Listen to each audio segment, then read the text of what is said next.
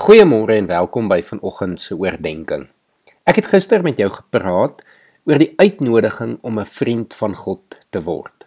Vanoggend wil ek met jou gesels oor hoe dit prakties kan gebeur. Behalwe vir wat ons gister uit Johannes gehoor het dat almal wat in gehoorsaamheid aan God leef God se vriende is, gaan 'n vriendskapsverhouding tog oor meer as net gehoorsaamheid. Dit gaan ook oor nabyheid. Jakobus 4 vers 8 sê vir ons: Nader tot God en hy sal tot julle nader. Om God se nabyheid te soek, soos met eintlik enige verhouding, gaan dit dus daaroor om kwaliteit tyd saam te spandeer. Ongelukkig is die tyd wat ons vir God uiteensit dikwels die oorblyfsels van ons dag. Dit is vinnig voor ek gaan slaap of 'n skietgebed voor ons ons dag begin. Natuurlik kan ons ook nie naïef wees om te dink dat die gejaagdheid van die moderne lewe veel tyd vir ons oorlos nie. Maar eers moet ons 'n keuse maak oor ons prioriteite. En dit gaan nie net oor uitgesitte kwaliteit tyd saam met God nie. Dit is ook net so belangrik om die res van jou dag in God se teenwoordigheid te spandeer. Ons kan nie stilte tyd hou en dan God by die huis los nie.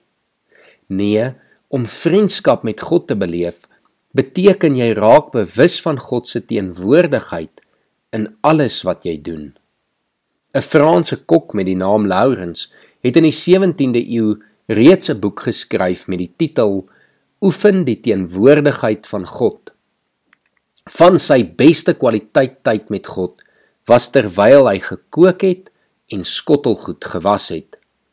Volgens hom was die sleutel tot sy vriendskap met God nie om te verander wat jy doen nie, maar om God in te nooi in wat jy doen.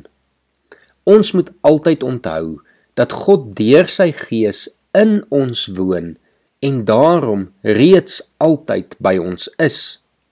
Ons moet egter bewus bly van God se teenwoordigheid deur ons hele dag en dan in gesprek met hom wees.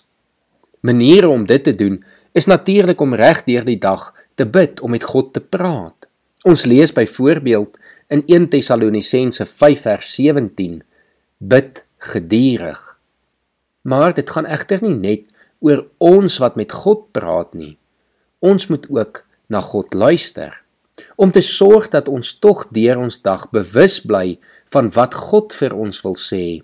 Is dit 'n baie goeie gewoonte om gereeld oor die Bybel na te dink. Psalm 1 leer ons dat ons die woord van God dag en nag moet oordink en ons vreugde daarin moet vind. Begin dus om na jy in die oggend Bybel gelees het, een vers vir die dag neer te skryf en in een van jou sakke in te druk.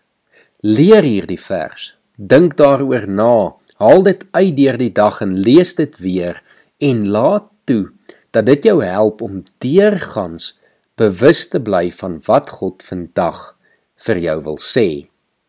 Neem dus die gesprek wat jy in kwaliteit tyd in die oggend saam met God spandeer, saam met jou vir die res van die dag.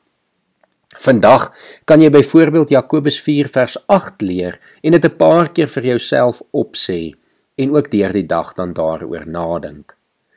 Nader tot God en hy sal tot jou nader. Kom ons bid saam. Here, dankie vir hierdie wonderlike gedagte dat U eintlik elke oomblik van elke dag in al ons doen en late by ons is en met ons in gesprek wil wees en alles wat ons doen saam met ons wil beleef. Here, dit is so wonderlike voorreg wat ons het om elke dag enige plek waar ons gaan met U te mag praat. Maar Here, ons wil ook luister na dit wat U vir ons wil sê. Lei ons deur U Gees, lei ons deur U woord, Here, sodat ons daarvan bewus sal wees en deur ons dag ons vriendskapsverhouding met U sal laat groei. Ons loof U en ons prys U hiervoor in Jesus se naam alleen. Amen.